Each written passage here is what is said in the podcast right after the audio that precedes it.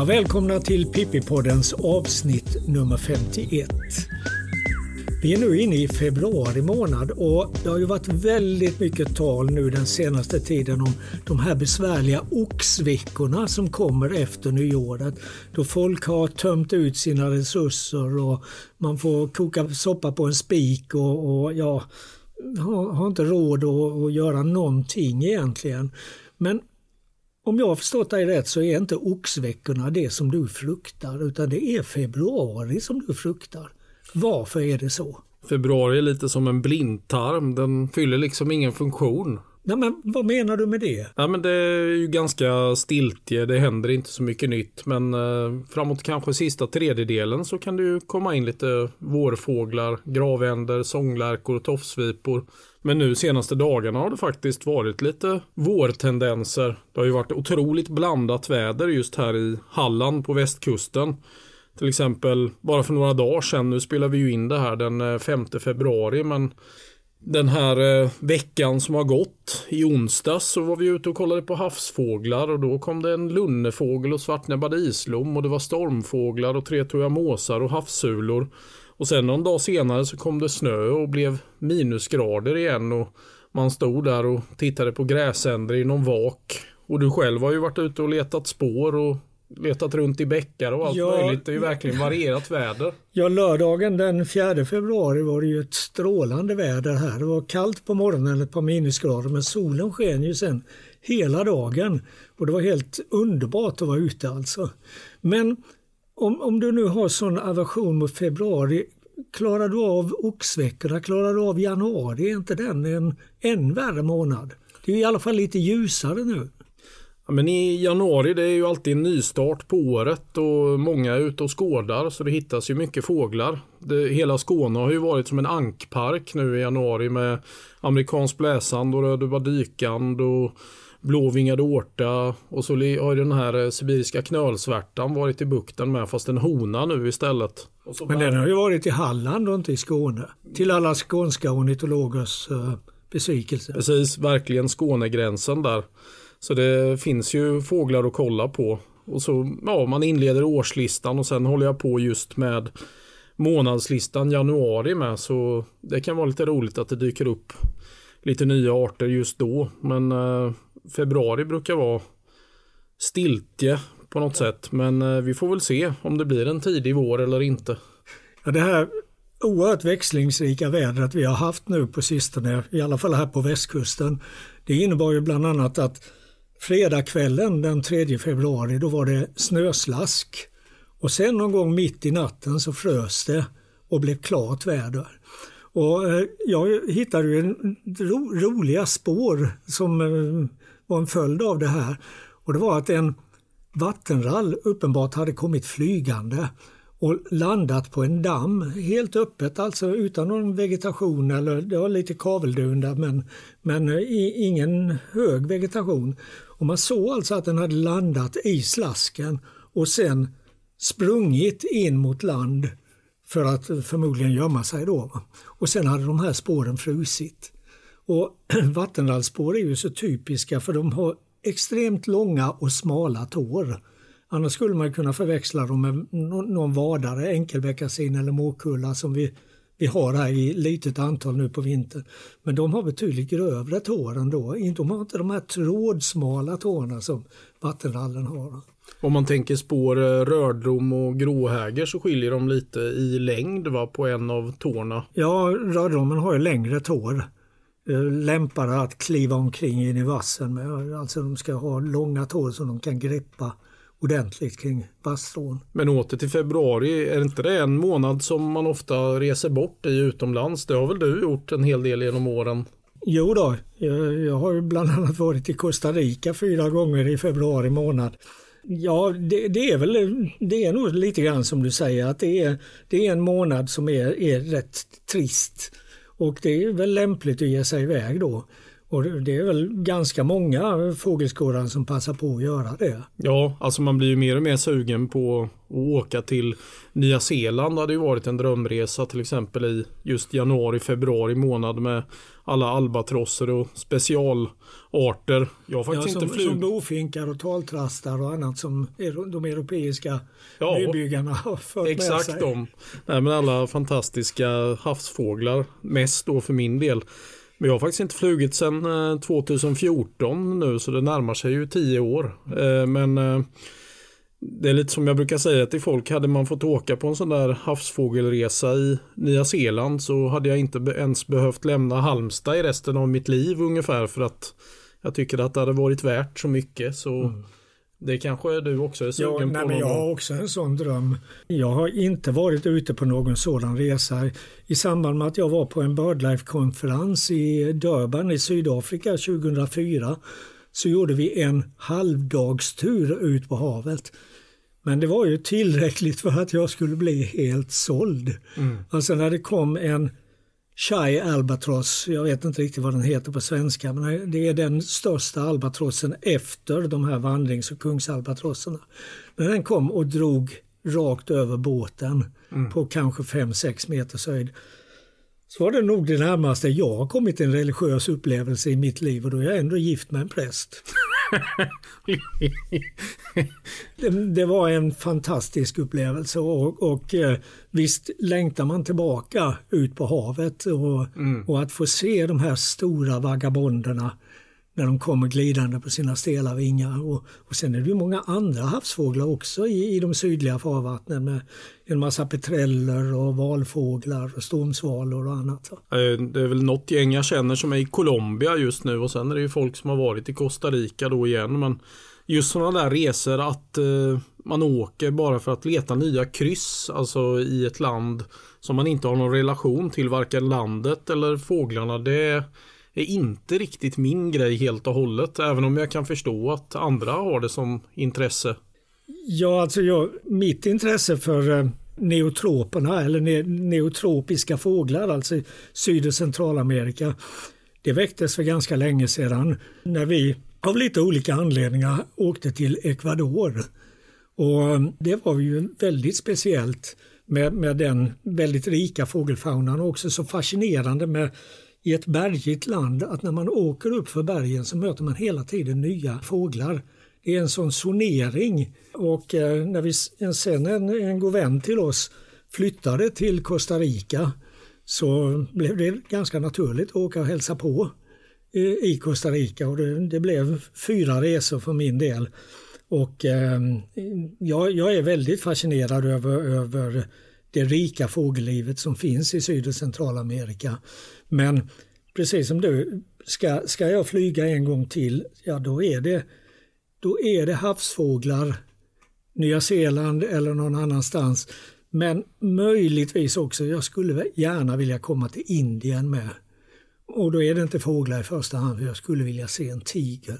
Ja, det kan jag förstå. Jag har ju sett tigrar i, på Nordens ark och, och, i andra djurparker, men det är en helt annan sak. Alltså att se en tiger i det vilda, det, det vore oerhört fascinerande. Ja, det har man ju hört. Folk som har sett tiger på riktigt. Det är inte samma sak som att se det på tv.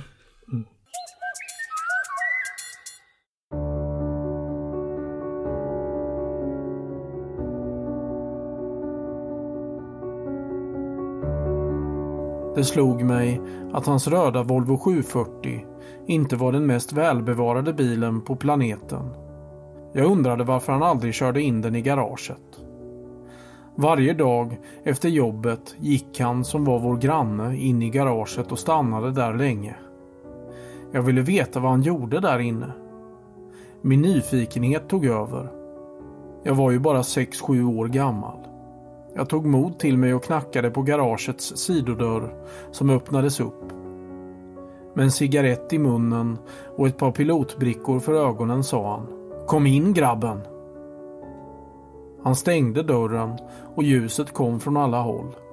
Mitt på golvet stod en sliten snurrfåtölj och ett överfyllt askfat på en liten pall.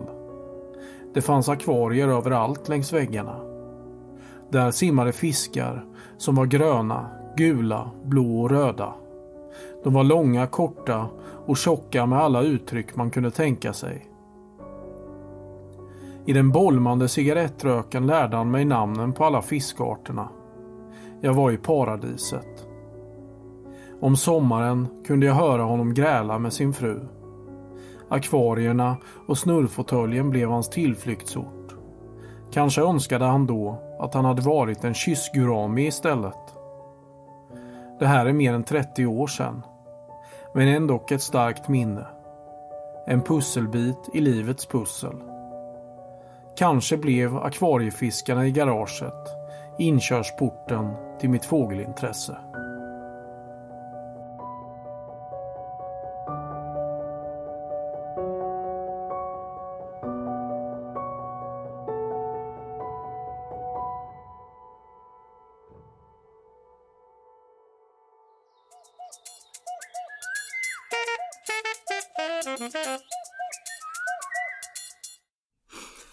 Men vi kanske ska återvända till eh, våra trakter och till våra vinterfåglar. Ja. Vi har ju haft en sån här eh, fågelräkning nu sista helgen i januari. Och den har pågått sedan 2006 nu varje år? 2006 var första året så det här var 18 gången vi genomförde räkningen. Och man kan väl säga att vi hade lite grann otur för det var dåligt väder i nästan hela Sverige. I alla fall under lördagen och söndagen. På fredagen och måndagen var det bättre väder men lördagen och söndagen var dåligt väder. På, men, på de men den pågår i fyra dagar från ja, fredag till från måndag? Fredag, så att fredag säga. till måndag för att skolor och förskolor och ja. även arbetsplatser ska kunna vara med. Man hör ju ofta folk säga det här att eh, Åh, just under vinterfåglar in på knuten så försvann alla fåglar och så men stämmer verkligen det? Nej, men jag tror folk är så engagerade av detta och man vill gärna delta och man vill delta med många fåglar. Och är det inte så många fåglar, ja då, då tycker man inte det är lönt. Så att eh, följden blev ju denna gången att när det var dåligt väder så var det relativt lite fåglar vid fågelmatningarna. Och vi fick eh, färre rapporter än, än vad vi brukar. Ja. Det hamnar väl någonstans på 16 000 skulle jag tro. Det är ju mycket ändå. Och, och det är ju varenda kommun i, i Sverige har vi ett, ett bra material ifrån. Så att eh, det, det, det, det, 16 000 rapporter, det är ändå väldigt mycket. Ja, jag läste ju någonstans, det framkallar ju mycket känslor som du säger. Någon hade skrivit om jag ska fortsätta mata fåglar i vinter så kommer det kosta mig 5 000 kronor. Det har jag inte råd med. Vad ska jag göra? Nej, det är ju tyvärr så att som, bland annat som en följd av kriget i Ukraina så eh, är ju, har ju fågelmaten blivit väldigt dyr.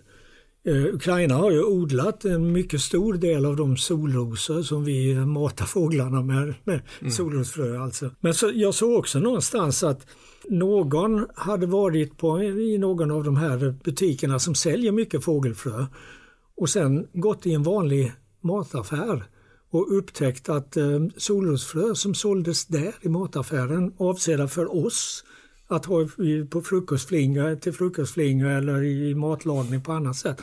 De var faktiskt billigare Oj. i mataffären än vad solrosfröna var. Ja. Men det var nog eh, något unikt eh, enstaka tillfälle. Men jag tänker om man känner sig riktigt fattig då kan man kanske få tag på lite gamla havregryn och blanda ut i någon matolja och äpplen kan man ju nästan alltid få ifrån någonstans. Ja, gamla bär som man har infryst också. Det, kan man ju också mata med. Jag vet en, en numera avliden uh, ornitolog här i Halmstad. Han matade fåglarna med havrekross. Och, um, alltså när väl havrekärnorna är krossade då kommer även talgoxar och bofinkar åt innan mätet. Annars okrossade havrekärnor det är ju i stort sett bara gulsparvar som äter det. Kanske en och annan ja, fasan och någon gråsparv kan äta det också. Mm. Men, men krossar man det så, så blir det en annan sak. Alltså det skulle man ju kunna tipsa om. Jag vet inte om det går att få tag i längre men han köpte alltid havrekross i alla fall. Enda problemet var att han kunde inte använda det i fröautomater för det geggade ihop och blev en gröt av det. Så att eh, han fick sprida det på marken oftast. Ja, alltså det är väl nästan bättre att sprida på marken sådana grejer för annars så kan det väl lätt spridas salmonella i fågelborden om fåglarna sitter där och bajsar samtidigt som de äter eller? Ja, nu är nog salmonella bland småfåglar ganska överdrivet. Det förekommer ju och det förekommer framförallt på vårvintern. Men eh, nej, men man ska ju undvika att ha gamla tiders fågelbord där fåglarna kunde sitta i maten. Men man kan ju inte undvika att eh, de bajsar ner på marken. Och, och, då kan ju eventuellt sånt här spridas. Vad, vad hittades på den här räkningen nu bland de 16 000 rapporterna? Var det något spännande och vilken art var vanligast i Sverige? Man kan nog säga att det var en eh, räkning utan överraskningar. Helt utan överraskningar. Det var ju de här stationära arterna som dominerade i stort sett över hela Sverige. Enda undantaget var sydöstra Sverige, södra Kronobergs län, Blekinge, östra Skåne där det var mycket bergfinkar i år. Mm. Annars så var bergfinkarna ganska fåtaliga jämfört med förra året då det var gott om bergfinkar. Eh, I år, anledningen till att det är gott om bergfinkar i sydöstra Sverige det är att det lokalt är det gott om bokollon. Förra året så var det ju snarare rönnbärskärnor som eh, de här bergfinkarna käkade. För det fanns bergfinkar i stor mängd ända uppe i Dalarna förra året. Ja, det kom en rapport häromdagen på cirka en miljon bergfinkar från Thomas Svensson som ju medverkade i Pippi-podden i ett avsnitt och berättade om just bergfinksinvasioner här i södra Sverige. Men det är ju alltså framförallt i sydöstra Sverige som bokarna satte mycket frön i, i höstas och där mm. det är gott om bokollon nu. Jag har varit ute och tittat i några bokskogar här runt Halmstad och eh, visst, det finns en hel del bokollon men eh, inte alls i de mängderna som vi hade här för några år sedan då. Efter den här torrsommaren 2018 mm. så blev ju 2019 ett enormt bokollonår. Och det var ju det som sen ledde till att vi 2020 fick ett sånt fint uggleår här nere mm. med många häckningar av lappuggla i, i södra Sverige. Ja, det är speciellt. Det var ju en rapport på en lappmes i slutet av december och den sågs nog in på vinterfågeln på knuten fram till lördagen i alla fall. Eh, ja. I Falun, så långt söderut som Falun. Så långt söderut brukar de inte vara men den verkar ju ha försvunnit därifrån nu i och med att det blivit mildare väder. Lappmässa har ju tillfälligt setts till exempel i Uppland och jag tror man har haft någon lappmäss på Hammarö i norra Vänern. Men det är ju under flyttning. Den här Falulappmässen den var ju stationär där i Nästan en och en halv månad. månad ja, eller någonting åtminstone sådant. cirka en månad. Va? Ja. ja. det är ju lite speciellt. Sen, sen, vet jag inte om det är en, någon som har rapporterat från någon av trädgårdarna i, i Förslöv där den här Baltimore trupialen har hållit till. Ja, det tycker man ju. Den är ju fortfarande kvar nu i början av februari och bjuder på fina obsar. Den har ju väldigt gott om mat där. Det lär inte gå någon nöd på den och som vi pratade om i förra avsnittet så hittar den ju mat även i tujor till exempel, frön och annat sånt. Så. Och när vi är inne på det så kan vi ju bara inte undgå att nämna att vår rubinnäktergal har kommit tillbaka till Sverige. Alltså den rubinnäktergal som var fågeln framför andra under förra vintern mm. och som då höll till i ett antal trädgårdar i Vargön. Utanför Vänersborg då? Ja, och nu i veckan som gick så hittades det en rubinnäktergal som inte var en fjolårsfågel utan en äldre fågel i Trollhättan. Ja. 8 kilometer eller något ja, från ni, Vargön. Ja, om det var 9 kilometer från där den höll till eh, under förra säsongen. Jag måste säga att jag tycker att det här är en av de absolut häftigaste grejerna på hela detta århundrade. Mm. Alltså hela 2000-talet så har vi inte haft någon sån häftig fågelupplevelse som är med den här. För den bekräftar ju en del av de saker som vi har misstänkt. Alltså att fåglar som flyttar fel som ungfåglar, de fortsätter flytta fel under resten av sitt liv i många fall. Kanske i alla fall. Vi har ju haft några sådana exempel med större turturduvor som har återkommit till samma plats år efter år och vi har haft en del änder som har kommit tillbaka till samma plats. Men, men här har vi ju en tätting som, som kommer tillbaka och det var ju det var ju någonting som många pratade om förra vintern. Ja, många sågade det med att de trodde inte att det skulle ske, att det skulle vara osannolikt. Nu kan man ju inte såklart vara vattentätt helt hundra på att det är den, men i och med att det är samma område och ja, att den saknar den här rugggränsen då. Så eh, ja.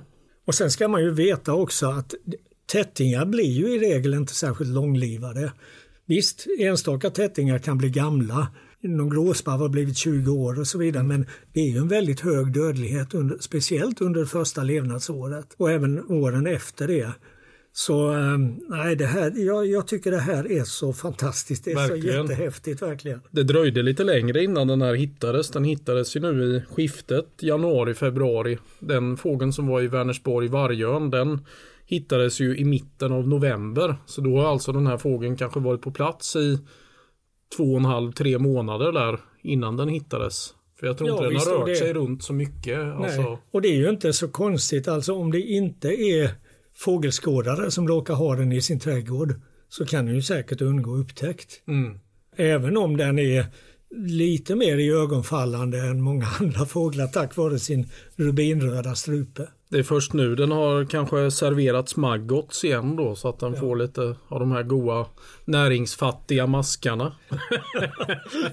ja, nej men tidigare så har de väl kanske hållit till godo med insekter som lockas till eh, fröspill under en foderautomat och så. Det, det, kan man ju se om man matar fåglar att ibland så kommer det gärdsmygar och annat och plockar uppenbart små insekter mm. bland det här fröspillet. Och då kanske det den levde på ända fram till den började få lite mera, ja, egentligen kanske mera högvärdig mat i form av maggots eller mjölmaskar. Och det är en fågel som man lätt lägger märke till även om man inte kan någonting om fåglar så ser man ju det där vita krysset i plytet och sen den där röda rubintriangeln under, under näbbhalvan. Det är svårt att missa. Ja. Nej, det är en, att en, en sån liten karaktär som den här röda strupen ändå är, att den kan så totalt fånga en som det gör med den här fågeln. Verkligen. Så, och nu kommer jag att tänka på en annan sak. Jag har en, en fågelkurs just nu, en lite fördjupande fågelkurs.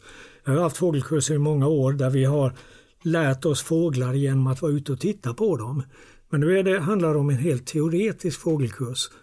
Och eh, eh, senaste omgången då pratade vi om fältbestämning. Och en sak som jag tycker att man saknar i många fågelböcker som vänder sig till nya fågelskådare, det är det här med att det första du gör, titta på huvudet på fågeln. Det är ofta där de avgörande karaktärerna sitter. Dels i form av teckningar, fåglarna kommunicerar ju med sina mm ansikten om man säger så. Och dels i form av hur näbben ser ut. Så vid sidan om storlek och kroppsform så är det ju väldigt viktigt att titta på huvudet. Det är ju så ofta man möter folk som, som har sett någon konstig fågel så säger man Ja hur såg den ut? Ja den var brun på ryggen säger de. På tal om huvudkaraktärer så har det ju hittats en eh, sibirisk knölsvärta, en hona nere i Laholmsbukten nu i eh, början på året. Och eh, ja, där får man verkligen lägga märke till huvudets profil som ser ut lite som ett strykjärn. Den har liksom som en liten knöl uppe på näbben och en liten befjädring på näbben. Och när den flaxar med vingarna så har den vita vingspeglar. Och den påminner ju rätt mycket faktiskt om en ejderhona eller en praktejderhona. Eh, den här fågeln ja, fast den är mycket mindre. Profilen alltså. Ja. Och när du ändå nämner det så kan vi ju berätta att i slutet av januari eller andra halvan av januari så var vi ute och räknade änder i Laholmsbukten. Och det var en av de här fina dagarna. Mm. Och det var ju en ganska häftig upplevelse med väldigt mycket svärtor, mycket sjöorrar och en hel del svarthakedoppingar också. Och alla bergänder i södra delen av bukten med. En flock med över 900 bergänder. Jag tror du räknade till 970. Mm. Och totalt sett så hade vi väl kanske närmare 5000 svärtor och drygt 2000 sjöorrar. Och när jag sen räknade samman det så hamnade vi på ungefär 100 svarthockedoppingar i hela Laholmsbukten. Och um, de här svarthockedoppingarna är ju roliga för att de dels är de så vackra tycker jag, trots att de är svartvita vid denna tiden så är de väldigt vackra. De är så grafiskt fina. Mm. Och dels så är de ju roliga för att de utnyttjar ju uppenbart svärtor och sjöorrar. Alltså de stjäl inte mat från dem men de är nog med när svärtor och sjöorrar dyker ner och rotar i bottnen så rotar de nog inte bara upp de musslor som de själva äter utan en och annan havsborrsmask och andra kryp va, som de här doppingarna då kan tillgodogöra sig. Ja, I början på året så hade vi ju det sedvanliga artrallyt dessutom. Det var ju väldigt roligt att åka omkring just i Halmstads kommun och leta fåglar för vi hittade ju väldigt mycket arter. Det sågs ju en bit över hundra fågelarter i Halmstads kommun då den här januaridagen. Och vårt lag fick ihop 85 arter och kom tvåa på det det här mm. året. Så det får vi vara ja. väldigt nöjda med. Vinnarna såg en art mer, ja, 86. Som råkade vara en hämpling då. Så det var ju lite konstig stämning. Nej då. Nej. Ja, de hade sparat den avgörande arten till alldeles i slutet på artlistan. Mm. Det var där det avgjordes. Verkligen. Så jämnt ut. Men det här med artrallyn det är ju någonting som eh, ibland eh, får kritik. Alltså, det riktas kritik mot att man åker runt i bil under en dag. Nu handlar det ju inte om några långa sträckor man åker om man är begränsad till en kommun. Men sen är det ju också en del saker som vi kanske inte skulle ha uppmärksammat lika väl om det inte hade varit för sådana här artrally. Det blir ju lite inventering också. Ja, jag pratade med en, en av de som hade varit med i Umeå Bird Race i år. Det är ju det största artrallyt i Sverige med de har ju över 100 deltagare. Och, 30 och vi var ungefär 30 i ja. Halmstad. Och de hade över 100 då. Ja. ja. Och eh, då berättade den här personen att när de började med Umeå Bird Race för ungefär 30 år sedan eller kanske lite drygt det.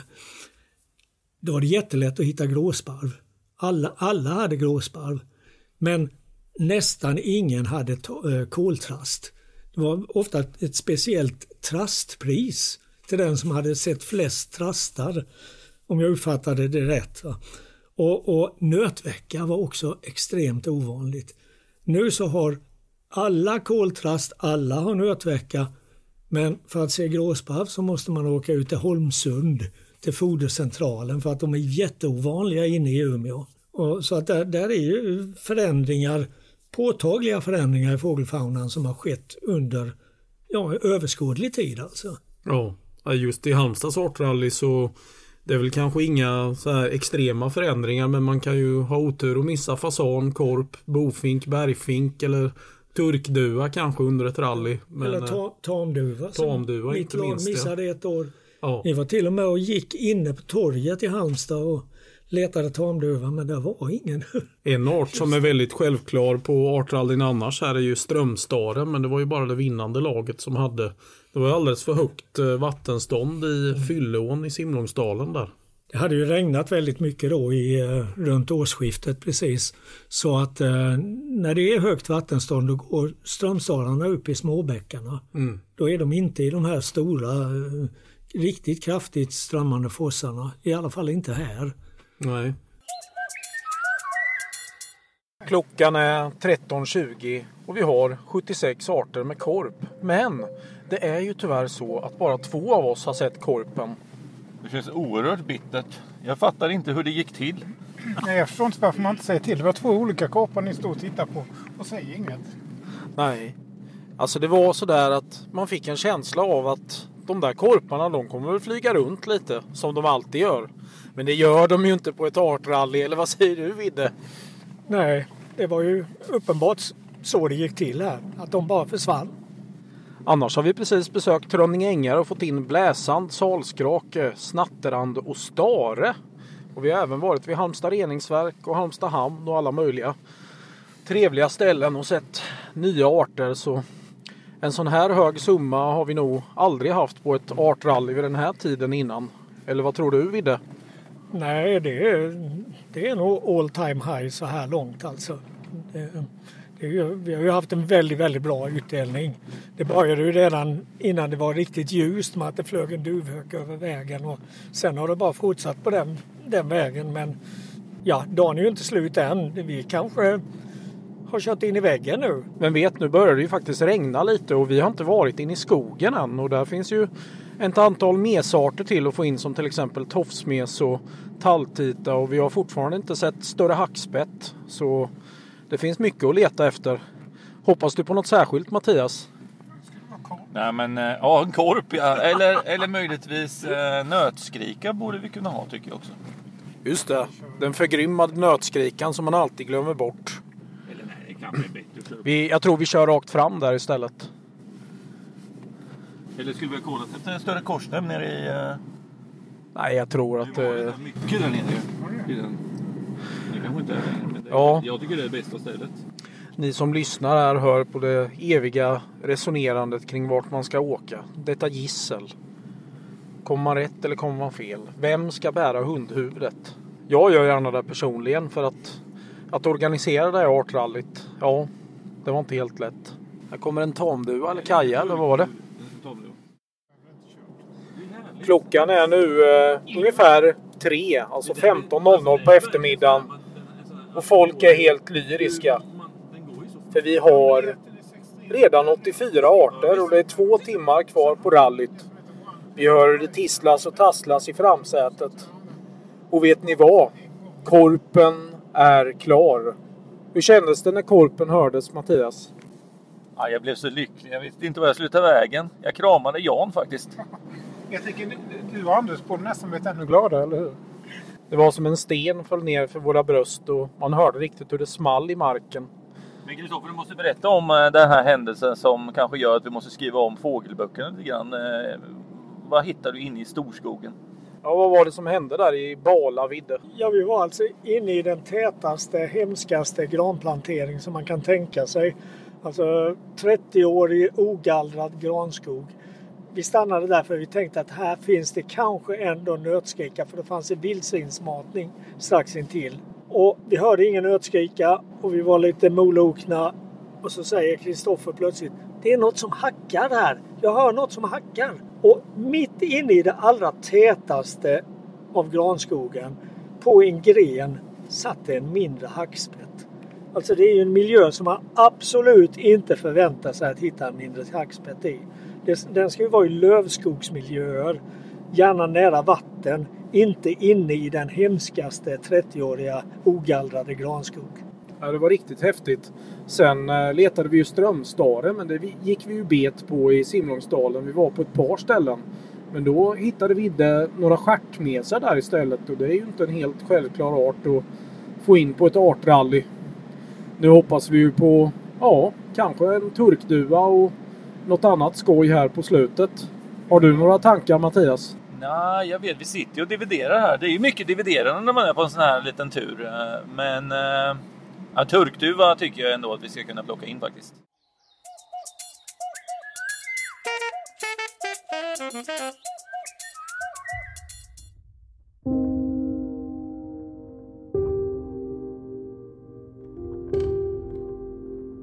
I livet gick jag fram längs gator, på cykelbanor och över torg.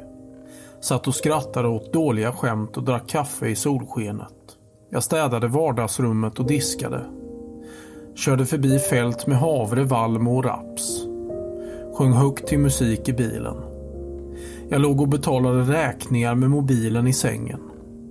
Åt knäckebröd med kaviar och rapporterade in fåglar i artportalen. Jag handlade men glömde nästan alltid något viktigt. Mötte blickar av sorg, likgiltighet och glädje. Gosade med katten, redigerade bilder och några tusen saker till. Men någonstans befann jag mig på en annan plats rent själsligt.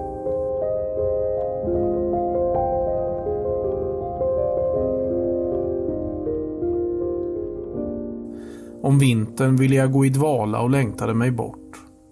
Om våren stod jag ute vid havet och väntade på guldet ifrån norr. Om sommaren bidade jag min tid. Om hösten var vi redan på plats vid havet långt innan solen gick upp. Det fanns alltid en strävan och längtan efter havsfåglar. En lira över ett stormpiskat hav med skiftningar i grönt, blått, grått och vitt mot en obruten horisont. Den ensamflygande vagabonden som behärskar alla havets skepnader på en evig resa över det stora blå. Det var dit jag alltid längtade. Till havet. Till livets klimax. Det finns ett annat liv i livet som alltid ligger där latent i bakgrunden.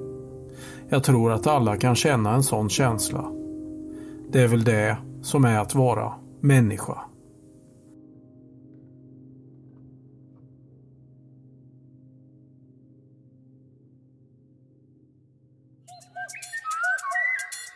Ja, nu så här på vintern så kan man ju skriva böcker. Det är ju några intressanta bokprojekt på gång, eller i alla fall ett bokprojekt Ja, jag vet inte hur mycket jag kan berätta om det här men eh, för ett antal år sedan, 2012, så kom det ju en bok som hette Fåglarna i Sverige, antal och förekomst. Populärt så kallade vi den boken för Hur många? Och eh, nu är Hur många två på gång. Eh, vi har i alla fall börjat arbeta med det. Och tanken är då att vi ska uppdatera de här antalsuppgifterna. För att dels så ska vi då räkna ut hur många par av varje enskild fågelart som häckar i Sverige. Och dels så ska vi gå ner på läns och kanske till och med landskapsnivå, i alla fall på länsnivå och se hur många som finns i varje enskilt län. Och där kommer vi att bli väldigt beroende av att få hjälp från lokala ornitologer. Men eh, vi, vi försöker gräva ner oss ordentligt och leta i alla möjliga sammanhang där man har gjort inventeringar av fåglar för att hitta de här uppgifterna. Sen kommer vi naturligtvis ha väldigt stor hjälp av Svensk fågeltaxering och speciellt standardrutterna mm. som då är jämnt fördelade över hela landet och där vi, vi alltså får ju uppgift om hur många till exempel sjungande lövsångare som finns i ett visst område och utifrån det så kan man då räkna fram en, en, en summa för, varje, för ett, ja, ett speciellt län till exempel. Ja, den här kom ju ut 2012, den förra versionen, men blir det som en helt ny bok nu då? Ja, det återstår att se. Det, vi får väl se hur vi ska presentera det sen. Men det, det, finns ju definitivt behov av en sån här bok idag eftersom det är så många olika projekt när det gäller vindkraft, ledningsdragningar, telemaster, exploateringar av olika slag där man från både myndigheter och från företag verkligen skriker efter uppgifter uppgifter som går att lita på ordentligt. Va? Den är ju så, jättebra att använda som referens i rapporter till exempel. Så, så målsättningen är ju att vi ska få fram en, en uppgift med den bästa tillgängliga kunskapen helt enkelt. Men eh, jag tänker på Artportalen, finns inte allting inlagt där numera? Nej, det är väldigt, eh, vad ska man säga, väldigt sparsmakat när det gäller en del mycket vanliga arter. Det är väldigt många fågelskådare till exempel som rapporterar den första lövsångaren.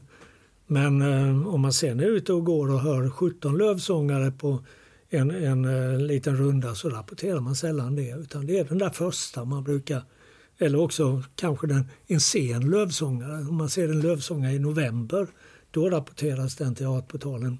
Men det är ju egentligen mera kuriosa i de här sammanhangen. Jo, det blir det ju. Den här checklistan kom ju för några år sedan i Artportalen att man ska lägga in där man ser och hör på en fågellokal även antal då. Det borde ju ha förbättrat rapporteringen en del med tanke på, sikt, på alla. På sikt kommer det säkert att förbättra rapporteringen men jag, jag tror inte att vi kan använda oss av det så mycket utan det, det blir ju framförallt då Svensk fågeltaxerings olika inventeringsprogram och sen också en del specialinventeringar, specialprojekt och annat. Mm. Så, um, Men Svensk fågeltaxering har eh, svårare att få tag på folk till sina rutter. Det behövs väl mycket uppe i Norrland till exempel? Ja, ja, tyvärr har det blivit så på de allra senaste åren. Tidigare så genomfördes ju inventeringar av kanske 500 av de totalt drygt 700 rutterna varje år. Men eh, de senaste åren så har det där antalet sjunkit ner mot 400. Och eh, det är ju bara att hoppas att vi ska kunna få fler att bli engagerade av det här för det är ju, det är ju roligt att inventera. Även om det är lite tufft också. Man måste stiga upp klockan fyra på morgonen och lägga en hel morgon och kanske en stor del av följande förmiddag också. Är det en, en rutt som går i besvärlig terräng så får man ju räkna med att det kan ta en 6-7 timmar. Mm. Eh, vi har ju en rutt som vi sköter och eh, det är ju lättgånget. Så den gör vi ju på, ja det är väl ungefär fyra timmar det tar oss att göra den där rutten ja. eller kanske lite drygt det. Den har ju gått sedan mitten på 90-talet ungefär så det har ju ja, det kommit är... upp lite träd och hus och sånt där på sina ställen så ja, man har fått ändra det, den ju. Det är rätt, rätt stora förändringar eh, beroende på exploateringar men också på en del naturvårdsåtgärder bland annat i början av den rutten som vi går så eh, gick, när jag började med den 1996, då gick jag i gles björkskog. Men all den björkskogen är röjd och mm. ersatt med en ljunghed nu, en kusthed. Så eh, där går man kanske 500 meter på, på kusthed istället för i björkskog. Och, och eh, det säger ju sig självt att det är helt andra fåglar som finns där. Var mm. väldigt mycket lövsångare de första åren just i den här lövsko eller björkskogen. Nu är det ju istället en och annan törnsångare och ängspiplärkor som finns i samma område. Ja. ja, men jag tänker när man räknar alla par det finns av en art, viss art i Sverige, då måste man ju ändå någonstans uppskatta det väl hos de flesta arter att det blir ett spann av mm. par. Jo, det blir det ju. Alltså det, och det kan vara ett spann på kanske en miljon fåglar som när det gäller lövsångare där vi räknar med att vi har ungefär 13,5 miljoner par.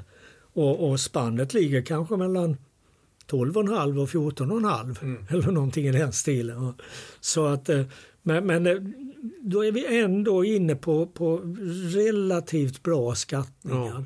Sen finns det ju ett antal arter som är väldigt svåra att inventera. Ja, men man kan ju tänka sig jaktfalk och kungsörn och sådana här arter. Där kan man ju tänka sig att det kan vara väldigt svårt att ta reda på hur många par det finns eftersom de av olika anledningar kanske inte ens rapporteras in officiellt. Nej. Det är, det är många sådana uppgifter som eh, folk behåller för sig själva. Där hoppas vi ju att vi ska kunna, kunna få fram tillförlitliga uppgifter. Men sen finns det också sådana här arter som till exempel morkulla som är, är svårinventerad. Man säger att det är Sveriges vanligaste vadarfågel ju. Ja det är det och mm. det, det, är nog ingen tvekan om det. Vi räknar väl med att vi har kanske 600 000 häckande honor. I morkullans fall så kan vi inte prata om par eftersom hannarna är polygama och eh, kan ha flera honor som de parar sig med.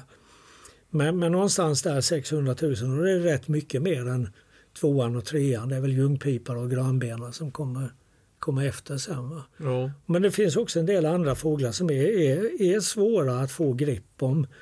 Men ehm, ja, vi, vi, vi, ska försöka gå grundligt tillväga när vi, när vi jobbar med det här projektet. Ska det bara behandla hur många det finns av en art eller ska man även kanske komma med nya tankar kring vilka arter som är skyddsvärda och inte på samma sätt. Jag tänker havsörn till exempel som har ökat explosionsartat nu. Är den lika skyddsvärd fortfarande? Ja, där är meningarna delade kan man väl säga. Ehm, det finns ju de som tycker att man ska få tillåta eh, skyddsjakt på havsörn numera.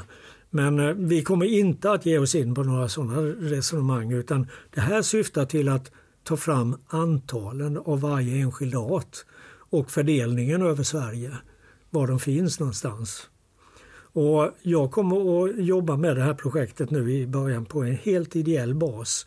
Möjligtvis så om det sen blir en bok av det så kan det bli aktuellt att jag, jag kommer att jobba med redigering och layout precis som jag gjorde med den första upplagan.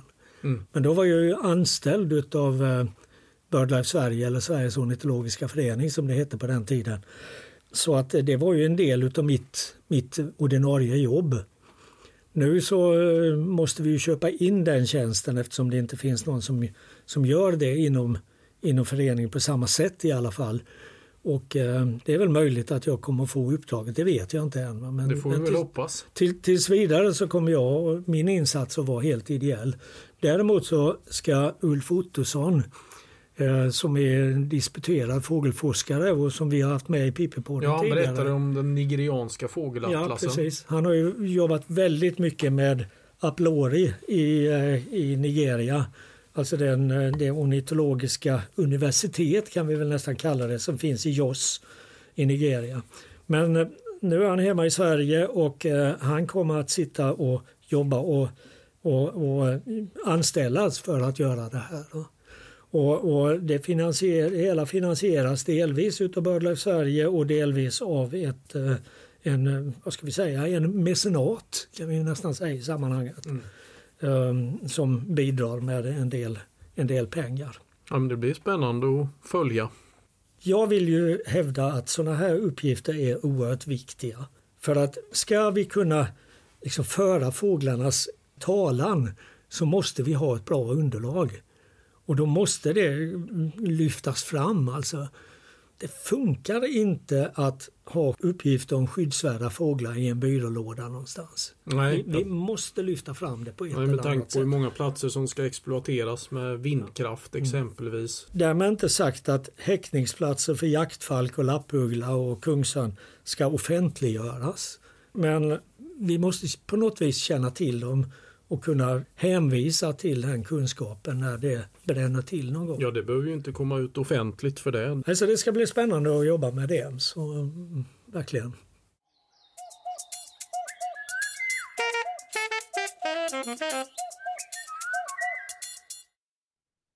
Ja, Ulf Ottosson, vi är ju i Pippi-podden vana vid att höra dig berätta om Afrika, men nu så sysslar du med någonting väldigt handfast när det gäller Sveriges fåglar. Vad är det du gör egentligen? Ja, vi håller på och har börjat eh, göra en eh, uppdatering av en bok som kom ut 2012 som heter Fåglarna i Sverige, antal och utbredning. Och eh, det är ju en populationsuppskattning av samtliga häckande fåglar i Sverige. Och var, varför gör man detta? Alltså man med kunskap om var fåglar finns och hur många de finns är ju ett viktigt underlag för eh, vad man ska göra, sätta in skyddsåtgärder och så vidare. Och det är ett underlag för eh, rödlistan och ja, för många av de, de som jobbar med eh, fåglar och fågelskydd i Sveriges natur.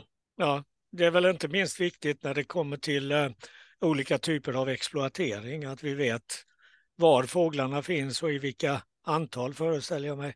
Nej, precis. Det är väldigt viktigt idag och blir viktigare och viktigare när exploatering ökar. En viktig stor grej idag när det gäller fåglar är ju vindkraft där, där vi verkligen behöver veta var fåglar finns både till land och till sjöss. Och, och eh, det finns, i och med att det är ett riksintresse, till, till exempel med vindkraft så är fåglar vanliga så är det lättare att se till att de kanske får stryka på foten än om det är ovanliga fåglar. Mm. Men, men här handlar det alltså inte enbart om ovanliga fåglar utan om alla fåglar i Sverige?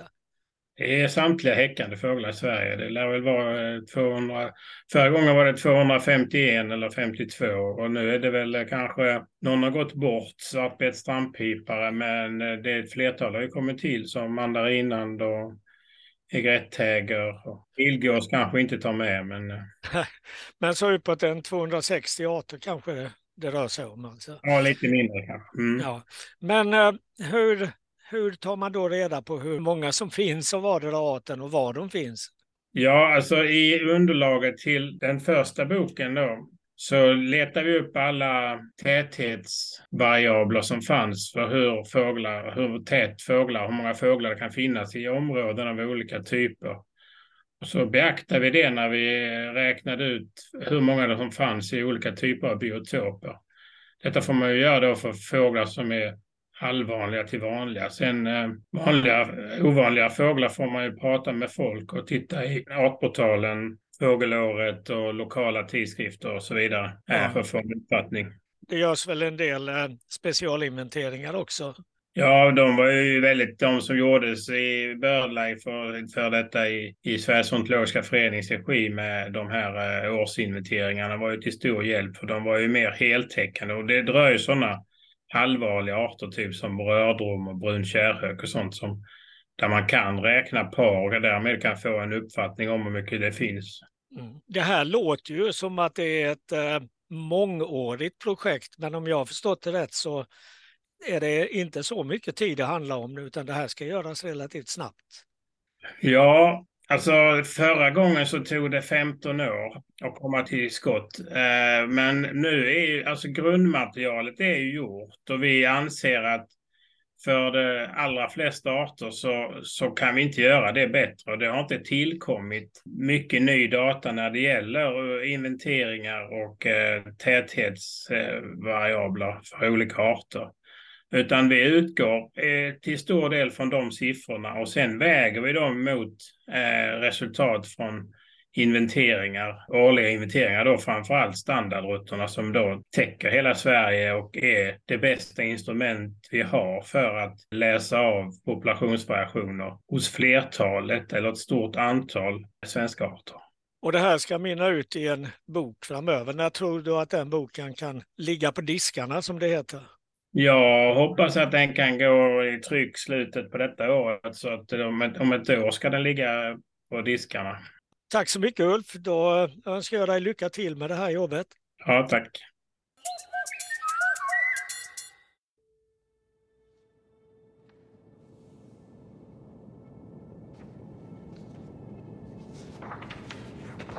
Jag slöt ögonen och värmde händerna över den eld som värmt oss i tusentals år.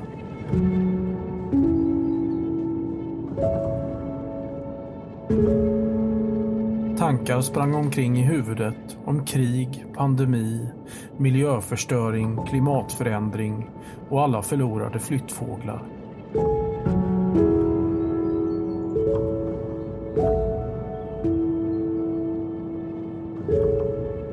Jag öppnade ögonen och bakom mig på bordskanten satt en liten talgoxe.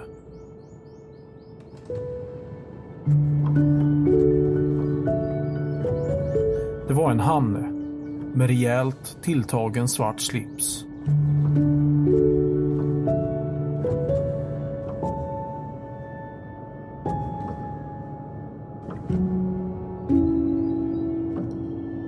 Så länge det finns talgoxar finns det hopp. Så länge det finns en ny vår att vänta in finns det hopp. I ett liv av längtan.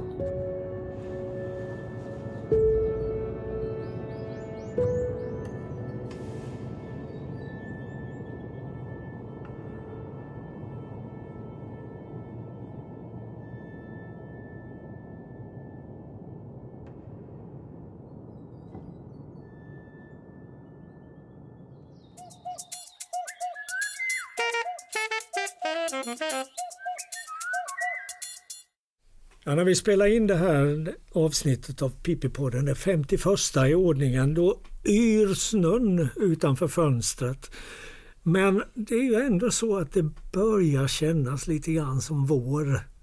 Ja, nu har vi hållit på med den här podden i över sex år då. Vi började ju i januari 2017. Nu, nu, vi pratar ju ofta om att nu är snart våren här och så blir vinter och så blir det vår i, och så blir det vinter och så blir det vår fram och tillbaka. Men nu är det ju ändå lite på gång här som vi pratade om i början med sånglärkor och tofsvipor och just på västkusten kan ju våren komma ganska tidigt med lite tur. Kanske redan i mitten av februari men det ska vi väl inte tro på. Mm. Nej men vi får väl se. Vi får se framtiden an med tillförsikt tycker jag för att det är ju ändå vi går mot ljusare tider och vi går mot mildare väder och vi går mot mer fåglar. Precis. Och, ja, uggletider och eh, skogshönstider och det är ju en hel del örnar nu som flyger runt över skogarna med både havsörn och kungsörn nu som spelflyger. Så det ja. är ganska häftigt att se. Ja, just när det gäller havsörn, det, det, det, det, är ju alldeles märkligt hur starkt den har kommit tillbaka. Vi var ju inne på det för en liten stund sedan att eh, havsörnen kanske kan bli föremål för skyddsjakt. Det finns ju de som skulle önska det. Men eh, jag hörde att en, en, den allra senaste uppskattningen talar om att det kanske till och med finns 1100 par nu i Sverige. Mm. Och då ska vi veta att bara för 50 år sedan så var det kanske 60-70 par. Och 60-70 par som dessutom knappast fick några unga för de var så giftbelastade. Jag bara tänker igår på Jätterön när jag guidade havsörnar då var det ju 19 stycken sådana här 2K till 3K fåglar där ute på reservatet och två riktigt gamla, alltså adulta fåglar som var minst sex år gamla kan man säga. Så det verkar ju gå väldigt bra för dem och många av de här ungfåglarna var ju dessutom omärkta. Och de håller ju redan nu på spelflyger på låtsas i luften och tränar sig med varandra och så. Det var ju tio örnar som var uppe igår och höll på att ta tag i varandras klor och slängde kött och sånt. Jag tänkte på det också i förra veckan när jag var ute och skådade några dagar i rad och jag såg havsörn varje dag. Tre havsörnar en dag, en en annan dag, och två en annan dag. Och går man tillbaka till säg 1970-talet då var man lycklig i Halmstad om man såg en havsörn under en hel vinter. Mm. Så det är ju en otrolig skillnad. Nu har vi ännu inte några havsörnar som har etablerat sig som häckfåglar här, just här runt Halmstad, utan de havsörnar vi har i Halland de finns huvudsakligen i den norra halvan av länet medan kungsörnarna finns i den södra halvan. Och kungsörnen fascinerar ju alltid mer tycker jag. Att se en kungsörn är ju något väldigt häftigt. Särskilt de här ungfåglarna med vita fläckar på vingarna och det här vita på stjärten med det svarta stjärtbandet. Mm. Det är ju kungsörnar, det blir ju nästan, ja man ska väl inte säga att de är snyggare när de är yngre men det är lite tvärtom med havsörn att de blir snyggare när de blir äldre. Mm. Jo men det håller jag med om alltså att en ung kungsörn i sin första dräkt det är en skönhetsupplevelse. Det är något av det vackraste man kan se tycker jag. Har du någon koll på hur många par kungsörn det finns i Sverige just nu? Nej men den, den den summa som vi har jobbat med under senare år den ligger på att vi har någonstans i storleksordningen 600-650 revirhävdande par eller etablerade par och nu är det inte alla de som häckar varje år. De häckar kanske bara vartannat år eller så i genomsnitt. Men det finns väl en del uppgifter som pekar mot att vi kanske har fler än så. Gotland har väl en väldigt tät population av Gotland kungsörn. har världens tätaste kungsörnspopulation och det är fascinerande. Mm. Det är väl bland annat eh, alla rabbisar, alla kaniner Ja. Gotland som, som är orsak till det. Sen ska man ju också säga att när det gäller sådana här antalsuppskattningar av fåglar så har vi fått revidera uppgifterna om vitkindad gås ganska rejält på senare tid. Eh, och en utav anledningarna till det är just havsörn och kungsörn som i stort sett har plockat bort vitkindad gås som häckfågel både på Gotland och Öland. Mm. Och eh, det var ju där vi hade flertalet av de häckande vitkindade gässen i Sverige tidigare. Men där finns nästan inga, inga kvar, alltså beroende på örnarna. Ja, vi har haft en lång mildperiod på, ja, här på västkusten i Halland och även på Jätterön nu. Det var väl vinter där ett par veckor i eh, december och sen var det väldigt milt i mer än en månad. Och då var det faktiskt under en period mer än 4000 vitkindade gäss på reservatet. Och det brukar det inte vara i januari månad. Och fast vi la ut då kött, vi matar ju havsörnar för det publika värdet på Jätterön då. Då kunde havsörnarna ändå jaga vitkindade gäss. Mm. Så det är väl lite som man kanske inte är sugen på en thaibuffé varje dag. Man vill ha svensk husmanskost ibland eller indiskt. Vad vet jag. Så vitkindad gås är svensk husmanskost. Jaktinstinkt. Ja, jaktinstinkten är stark. Ja, ja. Hos, Ja, eh, även, även fast Mm. man serveras eh, en buffé så vill man ändå jaga. Men, men på tal om jaktinstinkt hos havsörnar så såg jag för, det var inte nu i vinter utan det var för ett par vintrar sedan, en ung havsörn som nog hade drabbats av någon sorts hybris. För det var en sån här fin vinterdag med spegelblankt hav nere i Laholmsbukten vid Mellby strand och jag stod och tittade på svärtor och sjöorrar när jag plötsligt fick syn på ett par tumlare Mm. som gick i vattenytan en kilometer ut. Och så kom det en havsörn flygande, en ung havsörn, en, eh, alltså i, i sin första dräkt. Och den gjorde flera utfall mot de här tumlarna. Dök ner mot de tumlarna, verkade inte riktigt bry sig. Men, men, Den fattade inte vad det var kanske. nej, jag, jag tänkte det, tänk vad, vad skulle hända om den här havsörnen hade satt sina klor i en av tumlarna. Nej. Det hade inte varit så lyckat. Den hade nästan åkt ner i vattnet då kanske. Jag tänkte på det, här, du har ju suttit i eh, gömsle där på Store Mosse ett par gånger och fotat eh, just ja, kungsörnar. Det finns väl ett par riktigt gamla kungsörnar som kommer in där på nära håll. Det måste ju Mm. vara häftigt. Och Ja, det är, det är ju ett eh, gammalt par där. Hannen är ju ganska röd i dräkten och kallas för Fox. Och jag har för mig att honan kallas för Foggy. Och de, de är ju ofta där, ofta framme vid, vid matningsplatsen. Men ehm, jag tycker ändå alltså att när, när, när det riktigt bränner till det är när det kommer en sån här helt ung fågel och, och, eh, och sätter sig där. Och, alldeles speciellt om det är solsken för då tycker jag de är så fantastiskt vackra. ja, det är de ju verkligen. Ja. Ja, ja, då eh, ska vi väl se vad, vad som händer härnäst. Vad, har, har du några önskemål om någonting nu den närmaste tiden nu under, under vårvintern alltså. Nej men det hade ju varit roligt om det återigen uh, dök upp en fjälluggla. Men uh, det är väl för mycket att begära. Kan jag tänka mig. St ständiga önskemålet vi har alltså att en fjälluggla i södra Sverige. Det är det verkar vara en, ja, en fåfäng förhoppning helt enkelt. Det var länge sedan nu. Många suktar efter fjällugglor. Vi pratade ju om det i förra avsnittet med men ja. nu pratar vi om det igen. Ja, och jag tycker det är lite orättvist om man tittar på de amerikanska eller den amerikanska kontinenten i Nordamerika så har det ju denna vinter varit ett antal fjällugglor som har sökt sig ganska långt söderut. Mm. Eh, ner från arktiska trakter till eh, mera bebodda trakter om man ska säga. Men eh, något sånt har vi inte sett i Sverige. Det är rätt länge sedan nu det var en fjälluggla på besök i Sydsverige. Ja, det var nog början av 2000-talet någon gång. Så vi får väl se, men vi ger inte upp. Nej, ni blir inte av med oss.